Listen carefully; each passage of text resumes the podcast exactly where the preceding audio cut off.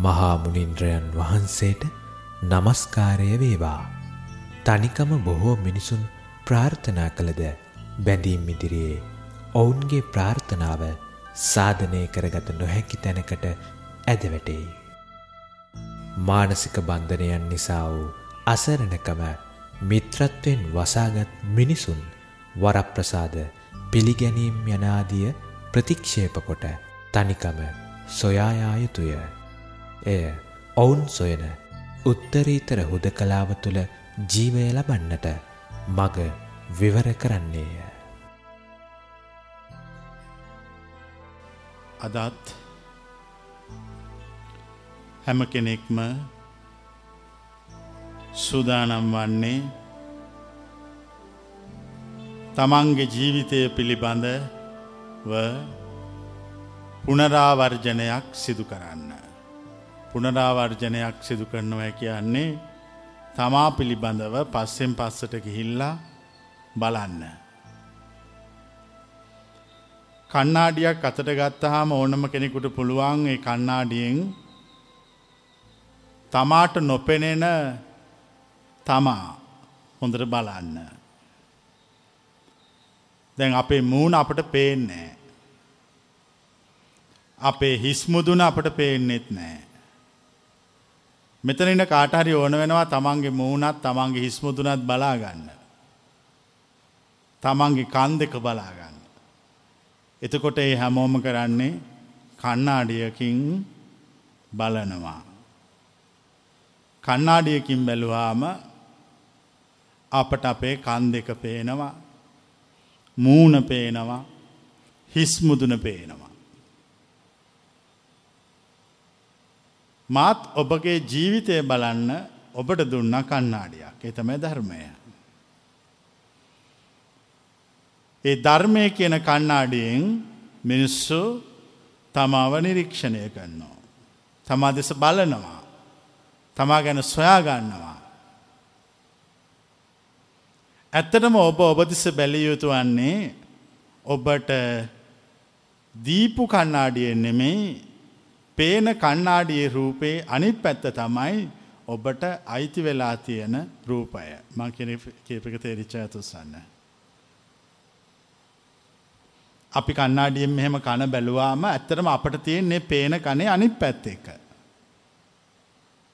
මන්දංකව සද්ධර්මය කියන්නේ කන්නාඩියක් කියලා. ඒ සද්ධර්මය මම දේශනා කරනවා. එතුර මම දේශනා කලාම ඔබ කළ යුතු වන්නේ ඔබට සාපේක්ෂව ධාරණය කිරීමයි. කුමක්ද කළ යුතු. ඔබට සාපේක්ෂව ධාරණය කිරීම නැතංගර කන්නාඩිය ප්‍රශ්නය ඒ සද්ධර්මය තුළ පවතිනවා. ඒගොල්ල ඒ සද්ධර්මය කටපාඩන් කලා කටපාඩන් කලාට ඒගොල්ලන්ගේ කන බලාගන්න බැරි වුණ. ඒගොලු කන කියල බලප එක නෙමේ ඇත්තර තියෙන ඊට වඩා ඒ අනි පැත තියෙන. දහම තමා තුළින් දැකිය යුතුයි. තමා තුළින් දකින ක්‍රමය අපි පැහැදිලි කරනවා. දහම තමා තුළින් බැලිය යුතුයි. තමා තුළින් බලන ක්‍රමය පියවරෙන් පියවරට උගන්නනවා. ඕනම කෙනෙක් සසර දුකට අහු වෙලා මේ මහා ඕගේට අහු වෙලා මේ මහා ගංවතුරට අහු වෙලා ගහගෙන යනවා. එතුර අපි ගංවතුරට අහු වෙච්ච මිනිස්සුන්ට කියනවා පාරක් ගංවතුරෙන් සදාකාලයටම ගොඩවීම සඳහා. ගංවතුරෙන් සදාකාලයටම ඉවත්වීම සඳහා. එතමයි නිර්වාණ මාර්ගය. සසරදුක නිවන මාවත. එක සංක්ෂිප්තයෙන් කියන්න තියෙන විදිය තමයි තමා තුළින් දැකීම. තමා තුළින් බැලීම. තමා තුළින් තෙරුම් ගැනීම. තමා තුළින් අවබෝධ කිරීම. අපි ඒ දහම දේශනා කොන්නෝ. අපි ඒ දහම දේශනා කලා මේ දහම ඔබට සාපේක්ෂව ඔබ තේරුම් ගන්න ඕන. තමාගේ තම තමන්ගේ ජීවන අත්දකීන් ඔස්සේ කල්පනා කරන්න ඕන. එච්චන ඒක තියෙන්නේ. ඒක අමාරුවෙන් කරන්න ඕන දෙයක් නෙමේ. ඒක ලේසියෙන් කරන්න පුළුවන් එකක්. මිනිසු කලින් හිතාගෙන හිටියා මීට අවුරුදු දහ පහලෝකට කලින් නිවන් දකින්නයි කියන එක පණ යන වැඩක් කියලා. ඒ වගේ මිනිස්සු හිතන් හිටියා නිවන් දකින්නේ මරුණයින් පස්සේ කියලා. දැන් ඒ අදහස් ඔක්කොම වෙනස්. දැන් අපි ළඟ තියෙනවා එකට ප්‍රායෝගික මාවතක්. ප්‍රායෝගික මාවතක් කියන්නේ අපට ඒක කළා පෙන්වන්න පුළුවන්. අපි ඒක පෙන්නුවාම ඒක ප්‍රතිඵල තියෙනවා. ඒ වගේ මේක තමා කළාම තමාට දැනෙන ප්‍රමාණයක් තියෙනවා. නිවෙන ප්‍රමාණයක් තියෙනවා. සිසිල් වෙන ප්‍රමාණයක් තියෙනවා. ආධ්‍යාත්මය නිදහස් වෙන ප්‍රමාණයක් තියෙනවා. ඒ ආධ්‍යාත්මය නිදහස් වෙච්ච ප්‍රමාණය තමයි ඔබේ අවබෝධය. හැමෝම අවබෝධය කිව්වහම ඒක කොටස් හතරකට බෙදාගෙන විශ්ලේෂණය කරනවා. සෝවාන් සකෘදාගාමි අනාගාමි අරිහත් කියල මං කියනවා ඒ හතර පොඩ්ඩක් පැත්තකට තියලා අධ්‍යාත්මය නිදහස් වෙච්ච ප්‍රමාණය ගවේශණය කරන්න කියලා. තමගේ හිත නිදහස් වෙච්ච ප්‍රමාණය තමයි තමන්ගේ අවබෝධය. තමන්ගේ හිත නිදහස් වෙච්ච ප්‍රමාණය තමයි තමන්ට සතුටින් ඉන්න පුළුවන් ප්‍රමාණය. තමන්ගේ හිත නිදහස් වෙච්ච ප්‍රමාණය තමයි තමා සාක්ෂාත් කරගත් විමුක්තිය. තමාගේ හිත නිදහස් වෙච්ච ප්‍රමාණය තමයි තමා එකතු වෙච්ච විශ්ව සම්ප්‍රදාය. තමාගේ හිත නිදහස් වෙච්ච ප්‍රමාණය තමයි තමා ඉවත් වෙච්ච පෘථවි සම්ප්‍රදාය. මේ කාරණා ඔක්කොම එකයි. හිත නිදහස් වනාම නිදහස් හිත කිසි තැනක ඇලෙන්නේ. අලවන්නත් බෑ. කිසි තැනක ඇලෙන්නෙත් නැති අලවන්නත් බැරි සිතක් තියෙන කෙනෙක් නැවත මේ සසර උපදින්නේ නෑ. එතවට අපේ අවසාන අරමණ වෙන්න ඕන ඇලෙන්නෙත් නැති අලවන්නත් බැරි සිත සොයාගෙන යන එක. ඇලෙන්නෙත් නැති අලවන්නත් බැරි සිත වචන දෙකක් මං පාවිච්චි කරා. ඒ සිත ඇලෙන්නෙත් නෑ අලවන්නත් බෑ. එ දෙක මේ සිතේ තියෙනවා. අන්න එක සොයාගෙන යන එක. කවුනට කෙනෙක් ඒක සොයාගත්තොත් ඒක තුළ කිසිව ප්‍රශ්නයක් නැහැ. මනුස්ස ලෝකෙ තුළ අපට සෙවිය හැකි උපරිම නිදහස එයයි. මනුෂ්‍ය ලෝකයේ තුළ අපට සාක්ෂාත් කළ හැකි උපරිම තත්ත්වය එයයි. ප්‍රශ්නය තියෙනෙ හැමෝම මේ මාර්ගය එක එක සීමාවල් වලට සසර වඩලා තියෙනවා. ඉට පස් ඒගොල්ලෝ මැරිලා නැවත මේ මනුෂ්‍ය ලෝකෙට ඇල්ල උපදිනවා. ඉට පස් ඒගොල්ලන්ට මේ දහම අහව්ව ගමන් අර සසර වඩපු ප්‍රමාණය දක්වා වේගෙන් ඉගොල්ලඟ නිවන් මඟ වැඩෙනවා. වේගෙන් වැඩෙනවා. ඒගොලන්ට වේගේ නිවන් මඟ වැඩෙනකොට ඒගොලු කල්පනා කරනවා මේක වේගය මේකයි කියලා. නෑ. අර කලින් වඩලා පුරුදු වේගයට ගිය නිසා තමයි ඒ වේගය. ඒ හරිට මේ වගේ. මන්සෙක් පාර යනවා. ඒ මන්සයට එක පාර්ටම කෙසේගෙරි ලෙල්ලක් පෑගිච්ච ගම මොකක්ද වෙන්නේ. වේගෙන් ලිස්සල යනවා තොට යා හිතනවා මේක තමයි වේගය. නෑ කෙසගෙල් ලෙල්ල පෑගිලා. ඊට පස්සේ ලෙල්ල ගෙවිල ඉවරුනාම අයි වේගේ බින්දුව වෙනවා. එතුට එයා පාරට බනිනවා. පාර ප්‍රතික්ෂේප කරනවා. එවනාට ඊට යාදැන් උත්සාහයෙන් යායුතුයි. ඕනම කෙනෙක් සසරයේ මග වඩපු තැනක් තියෙනවා. ඒ තැන දක්වා කාටාරි වචන මුල් වච්චන හැනකොට වේගෙන් වැඩෙනවා. හැබ ඊට පස් එකුලන්ට එතනින් එහාට අයාසයෙන් කැපකිරීමෙන් ඉවසීමෙන් වඩන්ඩ ඕන. එතකොට තමයි ආය කෙහෙල්ගෙල් ලෙල්ලක් පෑගෙන්නේ. ප්‍රශ්නය තියෙන්නේ එක පාර්ටම කෙහෙල්ගිරි ලෙල්ලක් පෑගිල පාර ගියපු මිනිස්සුන්ට ඒ කෙහෙල්ගිරි ලෙල්ල ඉවර වුණහම පාරට බැන බැන යනවා. එහෙම වනා කියලා ඒක හදිස්සියට කරන්න බැහැ. ඇත්තරම් ප්‍රශ්නය තියෙන්නේ ඒගොල්ලෝගේ සිත ඇලිලා තියෙන නිසා. එගොළන්ගේ සිත බැඳිලා තියෙන නිසා. එගොලන්ට ඉක්මට නිදහස ඒගොල්ලු ඉල්ලනවා. ඒ ඉක්මට නිදහස ඉල්ලනවනේ ඉක්මට ගැලවීමක් සැනසිල්ලක් එගොල් ඉල්ලනවා. ඒගොල්ලගේ හිතේ තියෙන ප්‍රශ්නයෙන් ගැලවෙන්ඩ ඕන නිසා. අපි කියනවා එහෙම සැනසීමක් අපි දෙන්නේ නෑ කියලා. අපි ඒගොල්ලො සාපයට ලක් කරනවා. ඇත්තර මෞන් යන පාර කෙසෙල්ගෙරලි තිබුණොත් මම වයින් කල්ල දානවා. මම මේ වයින් කළ තියෙන උඹලාගේ උත්සාහෙන් පලයල්ලා. නුබලාගේ කැපකිරීමෙන් පලයල්ලා. නුබලාගේ වීරියෙන් පලයල්ලා කියලා අපි එගොල්ලන්ට සෞත්සාහයෙන් ස්ව කැපකිරීමෙන් ස්වශක්තියෙන් අධිෂ්ඨානයෙන් යන්න අවශ්‍ය කන පස්බිම හදනවා. නිවන් මග වඩන්ඩෝන කැමැත්තෙන් එහෙත් අකමැත්තෙන්. එක වචන දෙකක් තියෙනවා එක. නිවන් මග වඩන්න ඕන කැමැත්තෙන් එහෙත් අකමැත්තෙන් කැමැත්තෙන් වඩන්න ඕන දෙපාරක් වඩ නැති නිසා එක පාරෙන් ඉවරයි. අකමැත්තෙන් වඩන්න ඕන තමා විනාශ වෙන නිසා. තමන් හදාගත්ත දේවල් තමන් එකතු කරගත්ත දේවල් තමන්ගේ නොකුත් හදාගත්ත සම්බන්ධතා මේ මහක් කුණු කන්දල් ගොඩක් එක මිනිසු ජීවත් වෙන්නේ. මිනිස්සු රසවිඳින්නේ කුණු ගොඩ. මිනිස්සු ජීවිතය කියල කල්පනා කරන්නේ මහ කුණු කන්ද. ඒ කුණු කන්දක් එක්ක ජීවත් වෙන්න ගිහාම එතන හැම තැනම ප්‍රශ්න තියෙනවා. ගැටුම් තියෙනවා. පටලැවිලි තියෙනවා. ඒක අපි කියන්නේ බැඳීම් කියන කුණු කන්දෙන් නිදහස් වෙන්න කියලා. එතුර ජීවිතය කිසි පැටලුමක් නැහැ. අවුලක් නැහැ.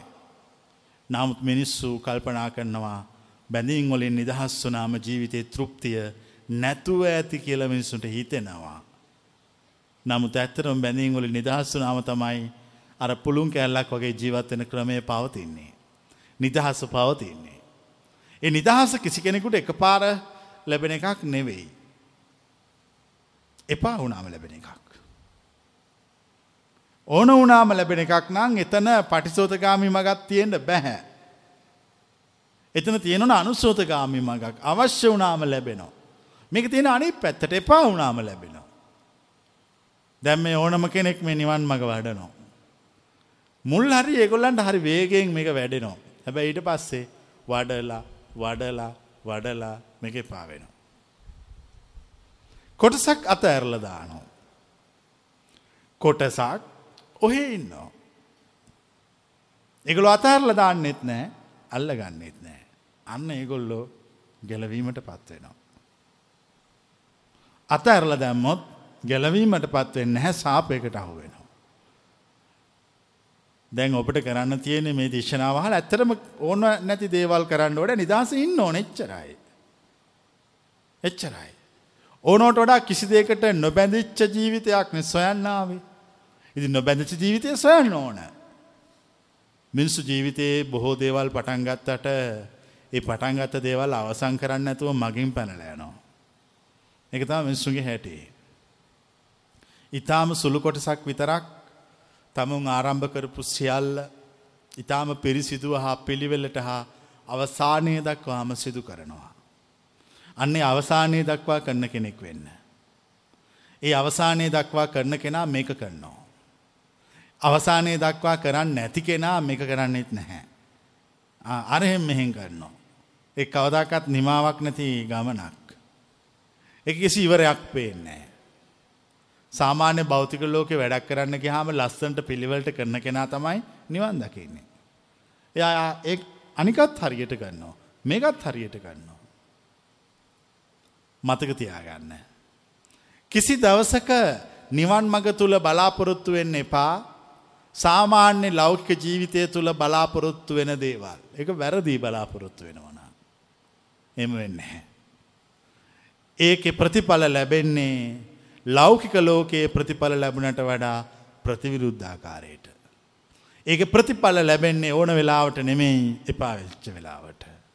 ඒක ප්‍රතිඵල ලැබෙන්නේ අවශ්‍ය වෙලාවට නෙවෙයි අනවශ්‍ය වෙලාවට. මං ඔබ ප්‍රශ්නයක් අහනෝ. ඔබට අත්‍යවශ්‍ය වෙලාවේදී යමක් ලැබුණොත් ඒදේ ගොඩක් වටිනවද නැද්ද. එදි ගොඩක් වටිනවා.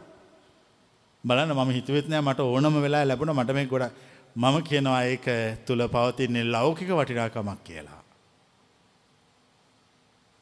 කෙනෙකුට තමන්ට අත්‍යවශ්‍යම දෙය එපාවෙච්ච. ඕන නැතිවෙච්ච.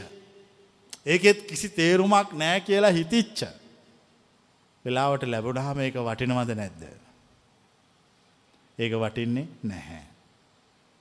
මං ඔබෙන් ප්‍රශ්නයක් අහනවා. ඔබට වටිනාම දෙය හම්බ වෙන්න ඕන මොන වෙලාවදිද කියලා. ඔබට නොවටිනා වෙලාවේදී.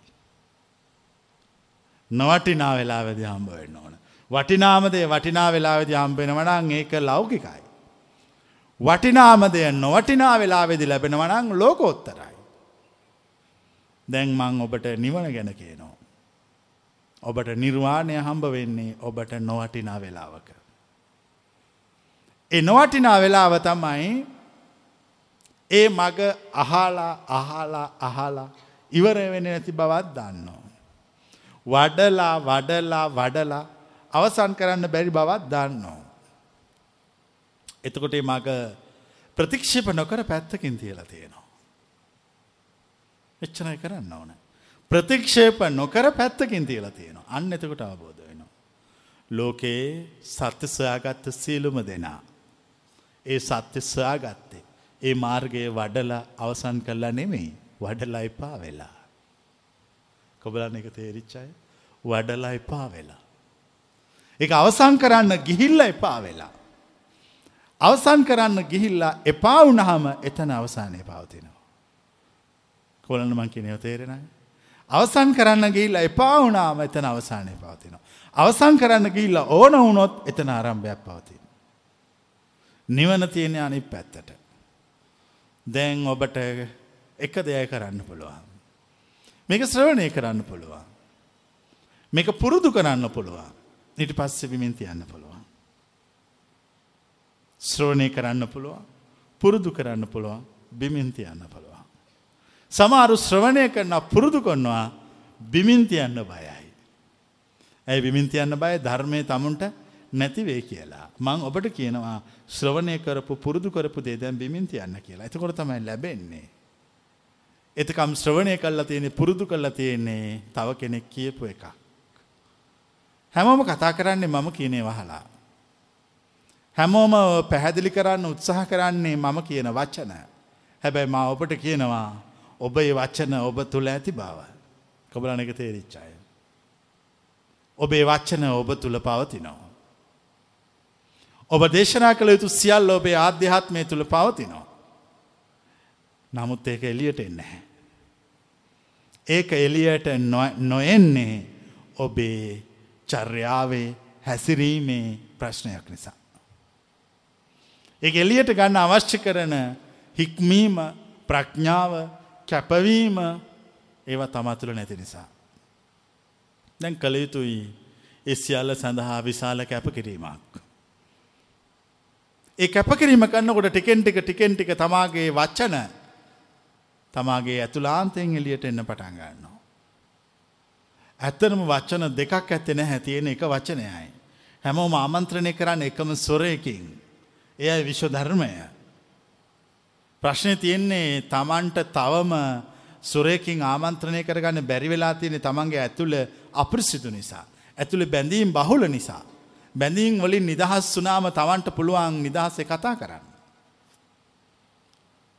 මේ හැමෝම එකනෙක ආශ්‍රය කරනවා යාලුවෝ මිත්‍රයෝ නොයකුත් ඇක කතා කොන්නෝ හැබැයි ඒගොල්ලො නොයකුත් අයක කතා කොන්නකොට ඒගොලො හරි බයයි තමාගේ මිත්‍රයන් යාළුවන් විවේචනය කරන්න. යාලුකම නැතිවේවී කියා.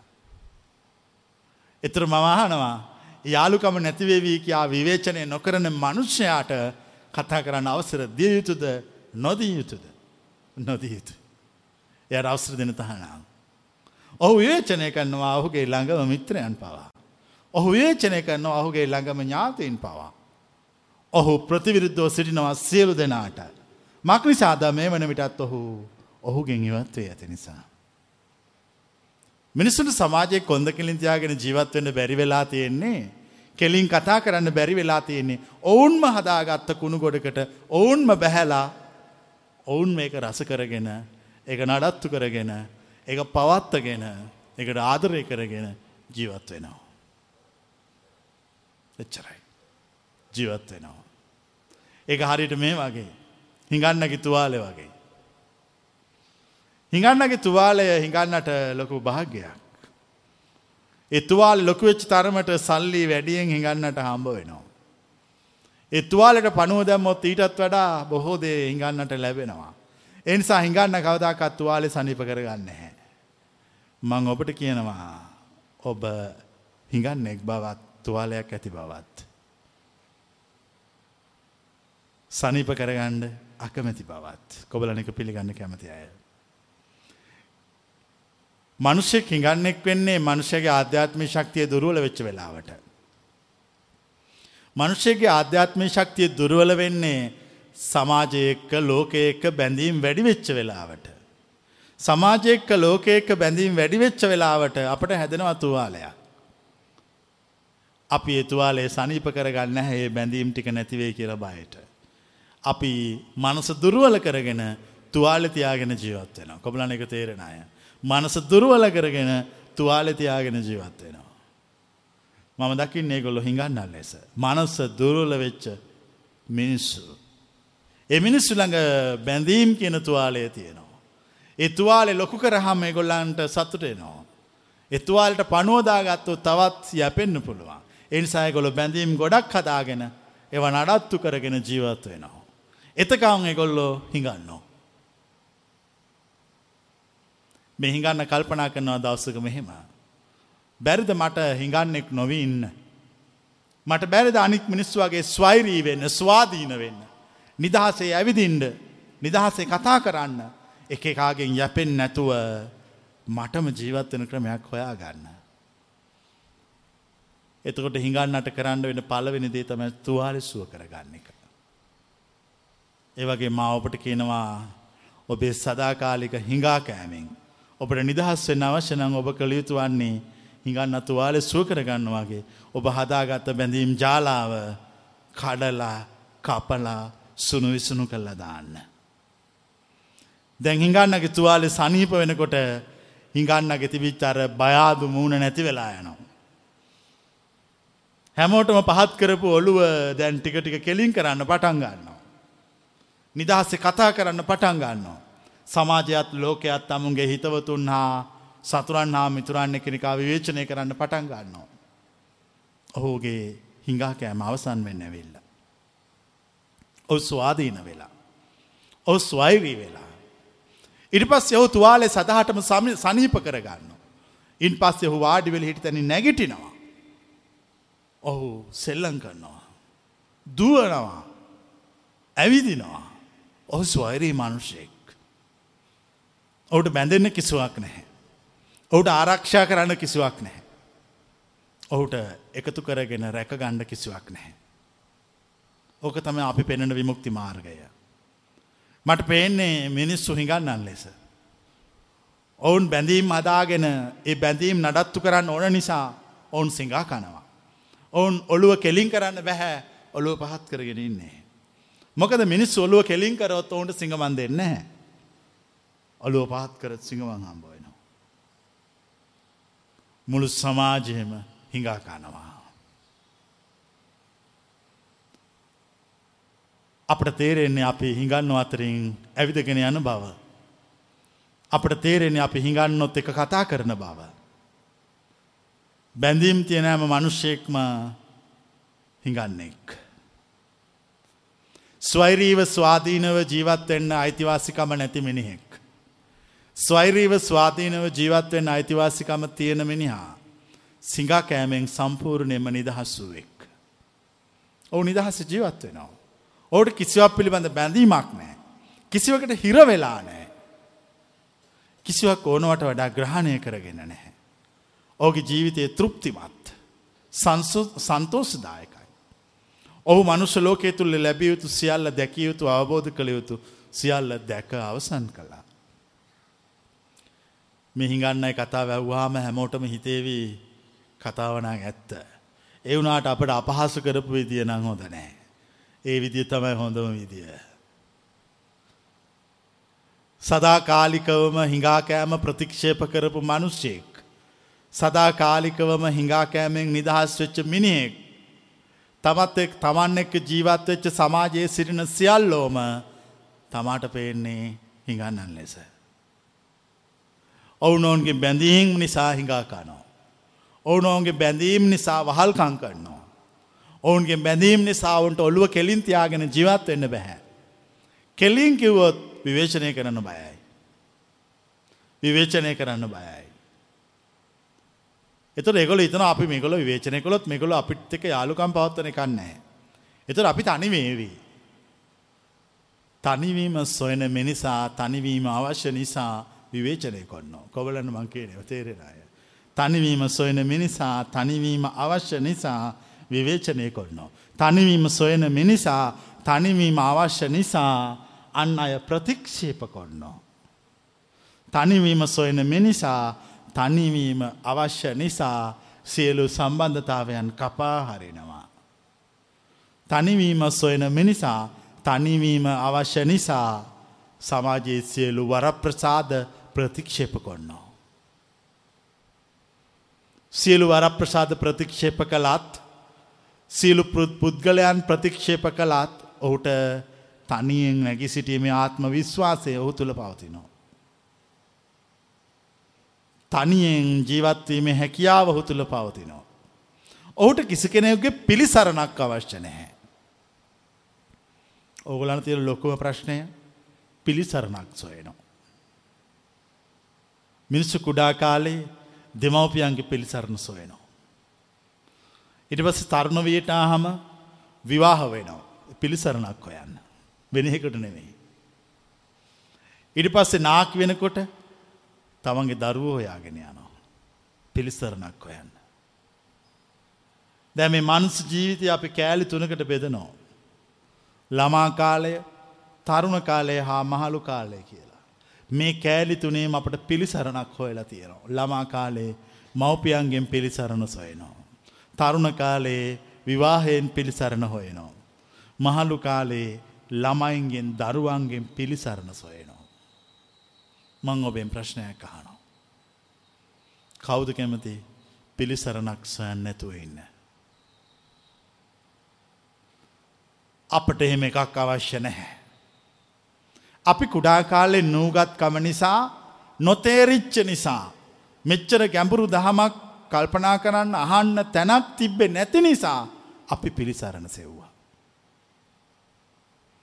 අපි ජීවිතයේ තරුණ වයසට ආහම අපි ඒ උතුම් පණිවිඩය ශ්‍රවණය කළා. ඒක ශ්‍රවණය කළ ඉවර වෙච්ච අපි ආයි කවදාකත් පිළිසරණක් සොයන්න කාගෙන්වත්. පිළිසරණක් නොසොයා ජීවත්වෙන ස්වෛරී ජීවිතයක් සොයාගෙන අපි යනවා. දැන් මං ඔබට කියනවා ස්වෛරී වෙන්න කියලා.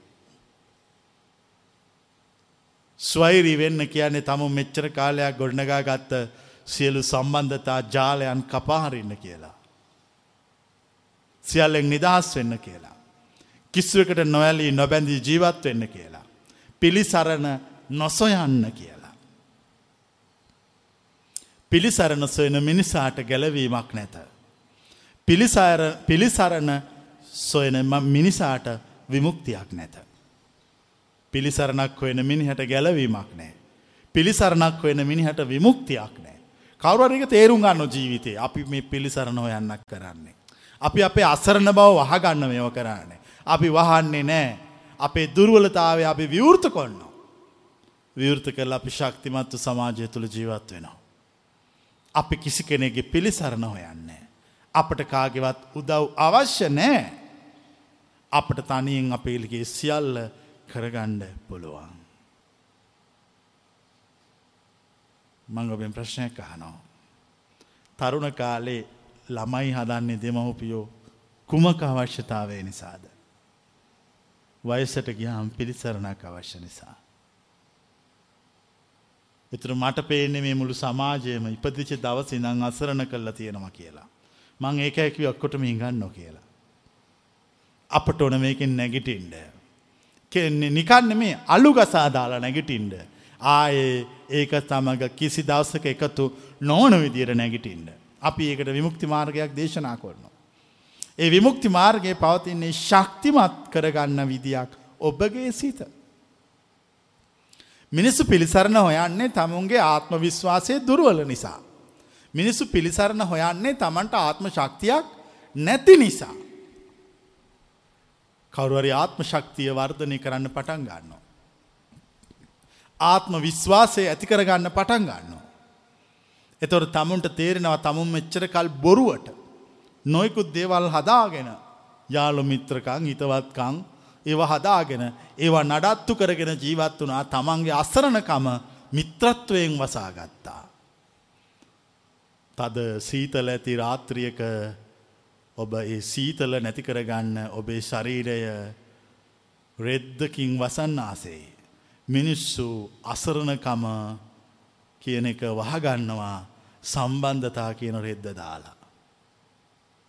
හිතවත්කං යාළු මිත්‍රකං සමාජ සම්බන්ධතා මිත්‍රත්වය ඒ සියල්ලෙන් ඔවුන් ඔවුන්ගේ අත්සරණකම වහනෝ. ඉට පස් ඔවුන් කියනවාර සීතල වෙලා රෙද්දක් පෙරෝගෙන ඉවර වෙලා ටික වෙලාකින් ඒ මිනිහ කියනවා මට කිසි සීතලක් නෑ කියලා. ඇත්තටම සීතල නැතුව නෙමේ. සීතලට එන්න බැරි වෙන රෙද්දක් දාලා. ඉට පස් එතන හිටපු කවරුවට අර රෙද්ද ආද මේ මාදිනවා. ඇදලි වෙල්ලහනවා දැන් සීතලද කියලා ඔවු කියන. ඒ රෙද්ද හුට හම්බුවන් නැතිවුණොත් ආය ඔහුට සදාකාලික සීතල පවතිනවා. ඒකන සදාකාලික අසරණ භාවය පවතිනවා. දැම්මං ඔබට කියනවා ඔබේ අසරණ භාවය තියෙන්නේ ඔබේ බැඳීම් නිසා බව. බැඳීම් නිසා බව. දැන් අපට ඔඩ මේ සීතල සදාකාලයටම නැති කරගන්න. මේ සීතලෙන් සදාකාලයටම අවදිවෙන්න. ඒ සීතලෙන් අවදිවීම සඳහා අපි මාර්ගයක් පෙන්වල තියෙනවා. මාර්ගය හරිම පැහැදිලි. සූර්යාමෙන් චන්ද්‍රයාමෙන් පැහැදිලි. කිසිම එක අඩුවක් දුර්වලතාවයක් ඌන පූරණයක් කිසි කෙනෙකුට ආයකට එකතු කරන්න බැහැ. එක හරියටම හරි. ප්‍රශ්නය තියෙනෙ දුර්වල හිත්තියෙන මිනිස්සුන්ට එක කරන්න බැරි එක. ඒ මිනිස්සු රෙද්දක් පෙරෝගෙන කියනවා සීතල නෑ කියලා. අපි එහෙම කරන්නේ. අපි රෙද්දක් නැතුව එතන ඉඳගෙන කියනවා අපට සීතලෙන් ප්‍රශ්නයක් නෑ කියලා. එක්කෙනෙක් රෙද්දක් පෙරෝගෙන සීතල නෑ කියනවා අනික අය රෙදි ඔක්කොම ගලවල දාලා තියෙනවා අපට සීතලෙන් ප්‍රශ්නයක් නෑ කියලා. දැන් මං ඔබෙන් ආනවා අර පළවෙනි කණ්ඩායමට එකතු වෙනවාද දෙවෙනි කණ්ඩායමට එකතු වෙනවාද? පළවෙනි කණ්ඩායමට එකතු වෙන දෙයක් නෑ. හැමෝම මේ වෙනකොට ඉන්නේ පළවෙනි එකේ.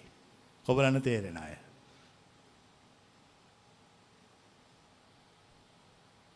දැන් තද සීතල වෙලාවක ඔක්කොම රෙදි පෙරෝගෙන හිනාවෙවී ඒගොලො තේ බොන්න පටන් අන්නවා කෝපි බොනවා එගොලන්ට කිසිම සීතලක් නෑ කියනවා.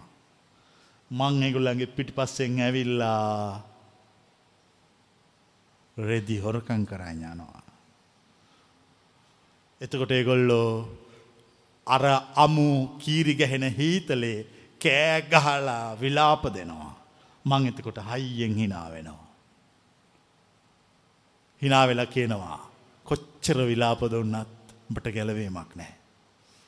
උඹ කරන්න ඕන එකමද සීතල බාරගෙන සීතලට එකතු වෙන එක. සීතල තුළ සතුටින් සිටින එක. එතොට එයා කල්පනා කරනවා ඇත්ත තමයි. දැන් යාට සීතලේ හොඳට සන්තුසිගෙන පුළුවන් මං එතකොට යාට කියන මෙන්න මං ඔයාගෙන් ගත්ත රෙද්ද එතොට යාය රෙද්ද විසි කල්ල දානවා. ඇස්වයිරී ස්වාදීනයි. පිට කෙනෙකුගේ රැකවරණයක් පිට කෙනෙකුගේ ආරක්ෂාවක් යට අවශ්‍ය නැහැ. ඔබට මේ හැමෝම මේ දේශනාව අහන්නේ හීතලට රෙදි පෙරෝගෙන. හැබැයි ඔබට සිද්ධ වෙනවා දේශනා වහගෙන යන අතරතුර පෙරෝගත්ත රෙදි ගලවන්න. එවනැත්තම් මම ඇවිල්ල ඔබේ සීතලට පොරෝපු රෙදි බලෙන් ඇදගෙන යනවා.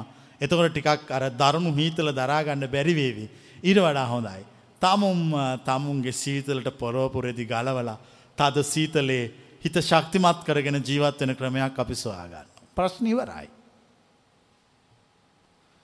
මිනිස්සු තමන්ගේ ආධ්‍යාත්මය ශක්තිය දුර්වල කරගෙන තියෙන්නේ බැඳීම් වලට කොටු වෙච්ච නිසා.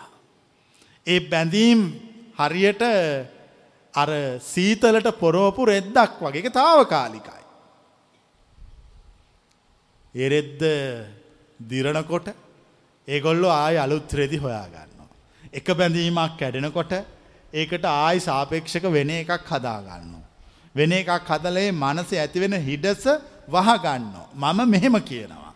ඒ මනස හිඩස වහන්න එපා කියලා. ඒ හිඩස තියෙන් අරන්න. ඒ හිඩස සාපේක්ෂකයක් ඇවිල වැහෙනකොට එය සාපේක්ෂකයක් පැමිණ වැසෙන බව තේරුම් ගන්න.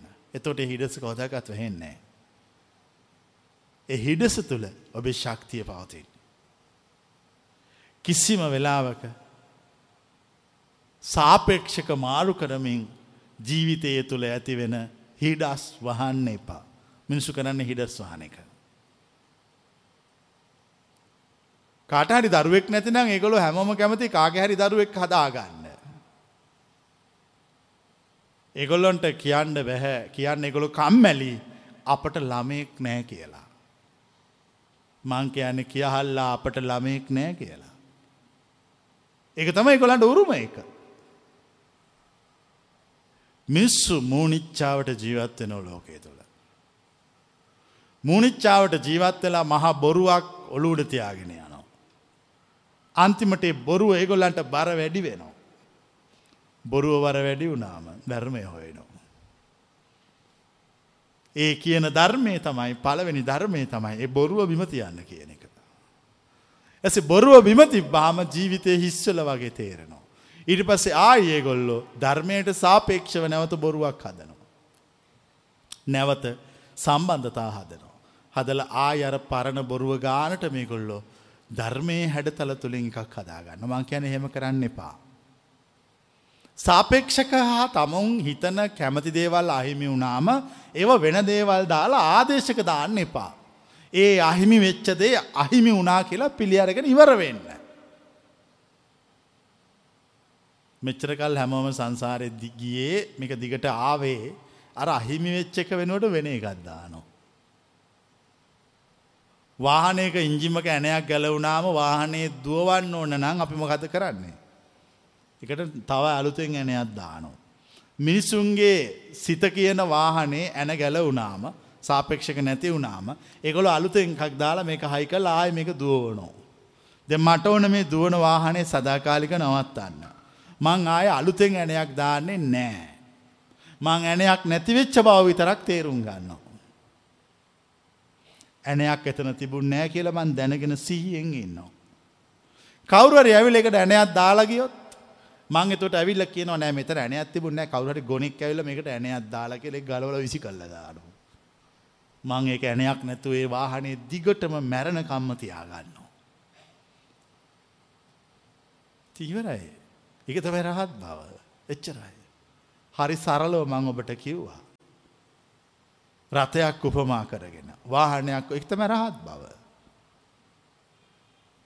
එයා යාගේ සාපේක්ෂක නැවත අලුතෙන් කෘතිීමව හදල් නැතුව ඒක ඉවත් උනහම ඉවත් වෙච්ච බව දැනගෙන ඒක ආයකත් දාලා පුරවා නැතුව ඒ හිස් බව එහෙමම තියෙන් නැරිය.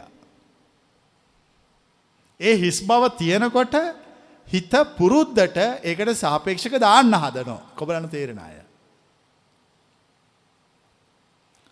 තමුන්ගේ ළඟම මිත්‍රයා තමුන්ට අහිමි වෙනවා.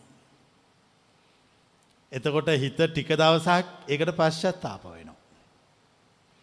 ඊට පස්සේ හිත කියනවා දිගට පශ්චත්තාප වෙන එක තේරුමන්නේ. මේකට ලේසි ක්‍රමයක් තියෙනවා. ගද ලේසිම ක්‍රමය. ඔය වෙන කෙනෙක් හොයාගන්න. ඉරස්ස අපි කියනවා ඇත්ත තමයි. ඇත්ත තමයි. අපි දිගටම පශ්චත්තාප වෙන බැරහින්දා අපි වෙන ආදේශකයක් එතෙන්ට දානෝ. දාලා අපි එදායිඳලා ආය ජීවත්වෙන්න පටන් ගන්නවා. හැබැ අපට එතකොට හිතෙන්නේ අර කලින් සිද්ධිය ඒකට වේවි කියල නමුත් ඒකටත් ඒකම වෙනවා. දැන් ඔය විදිර ජීවිතයේ අවස්ථා පහකදී දායකදි සීයකදි දාහකදී එකම අත්දකීමකට ඔබ මුහුණ දෙනවා. මේ සසර පුරාවටම ඔබ මුහුණ දීපු එකම අත්දකීමත් ඕක. දැන් මං ඕක තේරුම් ගන්නවා. අවබෝධ කරගන්නවා. මං මෙහෙම කල්පනා කොන්නවා. දෙ මේ අහිමිවීමට මං සාපේක්ෂකයක් හදාගත්තොත් ඒ සාපේක්ෂක යම්දවසක මට අහිමි වුණොත් මට ආය අර දුක ඇති වෙනවා. පශ්චත්තාපය ඇති වෙනවා. හඬා වැටීම ඇති වෙන. ඒ නිසා මම ජීවිතය පුරුදු කරනවා උත්තරීතර හුද කලාවකට. මොකටද පුරුදු කරන්න? උත්තරීතර හුද කලාවකට. ඒ උත්තරීතර හුද කලාව තුළ මාගේ ආධ්‍යාත්මයෙහි කිසිම සාපේක්ෂතාවයක් නොමැත. මං ඔබෙන් ප්‍රශ්නයක් අහනවා. සාපේක්ෂ නැති අධ්‍යාත්මය කවර ස්වභාවයකින් පවතිනවාද කියා. නිරපේක්ෂකව. නිරපේක්ෂකව පවතිනවා. බැඳීම් නැති ආධ්‍යාත්මය නිරපේක්ෂකයි. බැඳීම් අදාගත් ආධ්‍යාත්මය සාපේක්ෂකයි. සාමාන්‍ය සසර දුක ගෙවන ඉපදමින් මැරමින් ගමන් කරන මිනිස්සු තුළ පවතින්නේ සාපේක්ෂකාධ්‍යාත්මයක්. රහත් බවට පත්වෙච්ච සම්බෝධිය සාක්ෂාත් කළ උතුමෙක් තුළ පවතින්නේ නිරපේක්ෂාධ්‍යාත්මයක්. ඒ නිරපේක්ෂ අධ්‍යාත්මය ඇති කරගන්න එක අමාරුණෑ හරි ලේසි. කිසිම සාපේක්ෂකයක් නොසොයා ඉන්න. අලුතෙන් ඔයන්න එපා. අලුතෙන් හෙව්වොත් තමයි ප්‍රශ්නය. හැබැයි හිත කියන්නෙම මොකක් කරන්න කියලද. අලුතෙන් හොයන්න කියනවා. කියල විතරක් ඉන්න නෑ හිත අපට වද දෙනවා. අලුතෙන් හොයන්න කියනවා. වද දීලා නිකං ඉන්න හිත අපිව පොළඹවනවා. පොළඹෝල නිකං ඉන්න නෑ හිත අපට රිද්ධවනවා. රිද්ධවල නිකං ඉන්නේ නෑ යන යන තැන පේන පේන තැන ඇහෙන ඇහෙන තැන බලන බලන තැන අර සාපේක්ෂකය නැති අඩුවම පෙන්නනවා. ඒ අඩුවම පෙන්නනවා. අපිතම අපට යමක් අහිමි වුණා. එතකොට ඒ අහිමි වෙච්ච මනුෂ්‍ය කියනවා මේ අව්ව සැරවෙන්නේ ඒක අහිමි වෙච්ච නිසා. ඒ ඒදේ තිබුණනා මේ විදිට අව්ව සැරවෙන්නේ නෑ. ඔන්න ඊට පස වහින්න පටන් ගන්නවා. ඉට සයා කියෙනවා මේ වහින්නේ අර මට අරදය අහිමි වෙච්ච නිසා. ඒදේ මට තිබ්බන වහින්නේ නෑ. එයාගෙමලු ජීවිතය වහිමීමේ සාපයෙන් පීඩාවට පත් වෙලා. මං ඔබට කියන ඔච්චරට දැවිල්ලකට අහුවෙන්න එපා කියලා. මයකට ලේසි ක්‍රමයක් පැහැදිලි කොන්නවා. සාපේක්ෂක නැති වෙලා ගියා අපි හිතමු තමන්ගේ කවුරු හරි ඔන්න අයිවරයි. එයා ඉවරුනා මේකට ආදේශකයක් දාන්න එපා. එකට ආදේශකයක් දැම්මොත් එතන සසර පවතිනවා. එතන උත්තරීතර හුද කලාවක් පවතින්නේ. අපි ඔබට කියනවා උත්තරීතර හුද කලාවට පත්වෙන්න කියලා. අපි උත්තරීතර හුද කලාවට මාර්ගයක් කියනවා. උත්තරීතර හුද කලාවට තියෙන කෙටිම මාර්ගය තමයි සාපේක්ෂක ආදේශ නොකර ජීවත්වීම. මකදද කෙටිම මාර්ගය සාපේක්ෂක ආදේශ නොකර ජීවත්වීම. යමෙක් සාපේක්ෂක ආදේශ නොකර ජීවත් වනොත් උන් උත්තරීතර හුද කලාවට පත්වෙනවා. බුදුවරු උත්තරීතර හුද කලාවට පත්වෙන්න කියලා උගන්වනවා. උන්වහන්සේලා උත්තරීතර හුද කලාව උගන්වන්නේ උන්වහන්සේලා ඒ උත්තරීතර හුද කලාවට පත්වීමෙන් අනතුරුවයි. පත්වීමෙන් අනතුරුවයි. සසරට කෑදරවෙච්ච මිනිස්සු හැම තිස්සෙම තමන්ට දෙයක් නැතිවුනාම ඊට සමාන දෙයක් හොයාගන්නවා. හොයාගෙන එකත් එක ජීවත් වෙනවා. ඊට පස්සේ ඒක නැතිවුනාම ආ ඒ වගේ සමාන එකක් හොයාගන්න. ඒක තමයි ඒගොල්ලෝ ඉපදෙමින් මැරෙමින් ඉපදෙමින් මැරෙමින් ගමන් කොන්න ජීවිතය. මටනං ඒක තිත්ත වෙලා. එනිසා මං ඒකෙන් අයින් වෙන ක්‍රමයක් ඔබට කියනවා. ඒ ක්‍රමය තමයි සාපේක්ෂක සොයා නොගැනීම. සාපේක්ෂක සොයා නොගැනීම. කෙනෙකුට සාපේක්ෂකත් එක්ක කාලයක් ජීවත්වල එක සැරේටම සාපේක්ෂක නැති වෙලා එකැන තමුගේ යාළුවෙක් මිත්‍රයෙක් මොකක් හරි දෙයක්. එක නැති වුණාම ලොකු පාලුවක් දැනෙනවා. කොබලන එක දැනිච්ච ජීවිතය. මං ඔබට කියනවා ඒ තමයි උත්තරීතර හුද කලාවේ ආරම්භය බව. ඒ පාල්ලුව ඔබ පොළඹොනවා නැවත සාපේක්ෂික සෙවීම සඳහා කොබලන එක තේරෙන අය. මං කියනවා ඒකට යන්න එපා කියලා. එතකට මං කියනවා ඒ අර දැනිච්ච පාළුව තුළම ඉන්න කියලා. එතකට එයාගේ සිත උත්තරීතර හුද කලාවට පත්වෙනවා. ඒ උත්තරීතර හුද කලාව තුළ නිර්වාණය පවතිනවා. නිවන් දැක පුතුම උත්තරීතර හුද කලාවට පත් වෙලා. උත්තරීතර උදකලාවට පත්වෙච්ච උත්තමේ කවදාකත් මානසිකව අසරණ වෙන්නේ නෑ. අනාත වෙන්නේ නෑ. ඒගොල්ලෝ සනාතයි. සනාතයි. සනාතන ධර්මයක් අහලා ඒගොල්ලො අනාතවීමෙන් ඉවත් වෙලා සනාත තත්ත්වයට පත් වෙලා. මොකක් අහලාද සනාත වෙලා තියෙන. සනාතන ධර්මයකින් සනාත වෙලා. ඒ උත්තරීතර හුද කලාවට පත්වෙන විදිිය හර්යෙන්ම සරලයි. ඕනම කෙනෙකුට ජීවිතය උත්තරීතර හුද කලාව ගැන අනාවැකි සපයනවා. ඔබට ජීවිතය අහිමි වන හැම දෙයක්ම ආධ්‍යාත්මය ප්‍රබෝධවත් කර ගැනීමට ආරම්භක ස්ථානයක් පෙන්වනවා. හැබැ අපි ආරම්භක ස්ථාන ඉවත් කළ දාලා නැවතර පරණ තිවිච්ච ජාති එකක් මහදාගෙන ආය ජීවත් වෙනවා. එතු රා ඉස්සරහ තියෙන අහිමිවීමක්. කොබලන එක තිත්ත වෙච්චයි ඒක නං එපා වෙලා තියෙන්නේ. එපා වෙලා තියෙන්නේ. මේක සදාකාලට මට මේකින් සමුගන්න ඕන. මට ඔය ඔබහන්සේ දේශනා කරන්න උත්තරීතර හුද කලාවට පත්වෙන්න ඕන. ඒ උත්තරීතර හුද කලාව තුළ මම කැමති රාත්‍රියක් ගෙවන්න. එතොට ඔබ රාත්‍රියෙහි තනිවී නැත. කොවලන්න මෙ තේරෙන අය. උත්තරීතර උද කලාව තුළ රාත්‍රියක් ගෙවන්නෙක් එ රාත්‍රියයේ තනි වෙන්න. මක්නිසා දහුළඟ උත්තරීතර උද කලාව පවතින නිසා. හෙවත් නිවන පවතින නිසා. එම නැති හැම කෙනෙක්ම රාත්‍රී තනි වෙලා. රාත්‍රී තනි වෙලා. ඔවුන් රාත් රැය පහන් කරන්නේ තනිවීමකුත් එක්ක.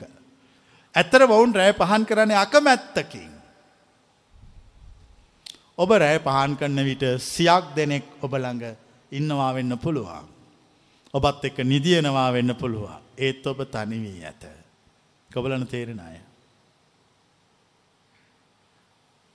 ඔබේ සිතරෙන පාළුව තනිකම කාන්සිය කියන්න කෙනෙක් ඔබට ජීවිතය කිසි දවසක හමුවන්නේ නෑ. කොබලන එක තේරිච්චය. අපි කියනවා ඒක තේරුම් ගන්න කියලා ඒක කතාව. මිනිස්සු තමන්ට ගැලපෙන කෙනෙක් කම්බවේවි කියලා තම එක හිතන් ඉන්නහුත් එහෙම එකක් වෙන්නේ නෑ කවදාකාත්.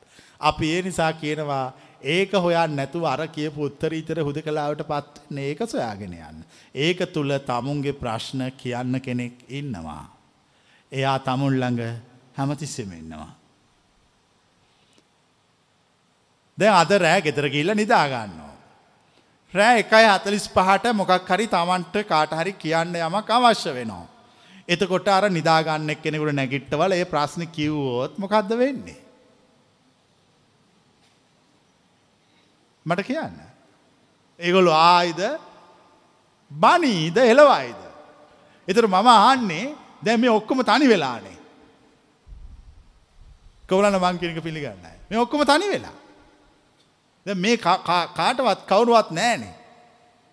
ඒ වනාට රෑ හතට අටට ඔක්කොට මොක්කොම හිටියනේ.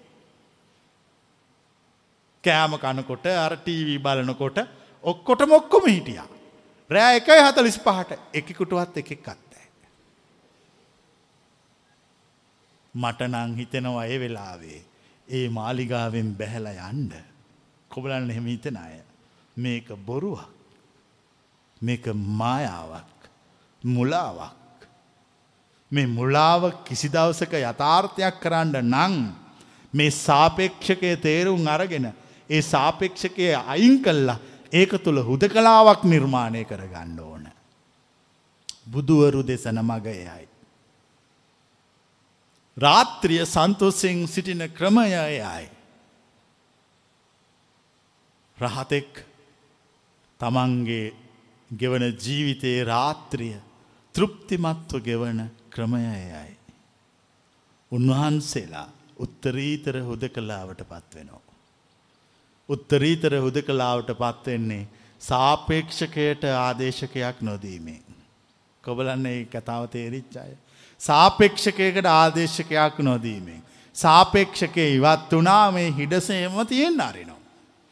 ඒ හිඩස දෙස සිහියෙන් බලන් ඉන්නවා. ඒ හිඩස මොකෙක් හරි ගල් භූතයෙක් ඇවිල්ල පුරවයිද.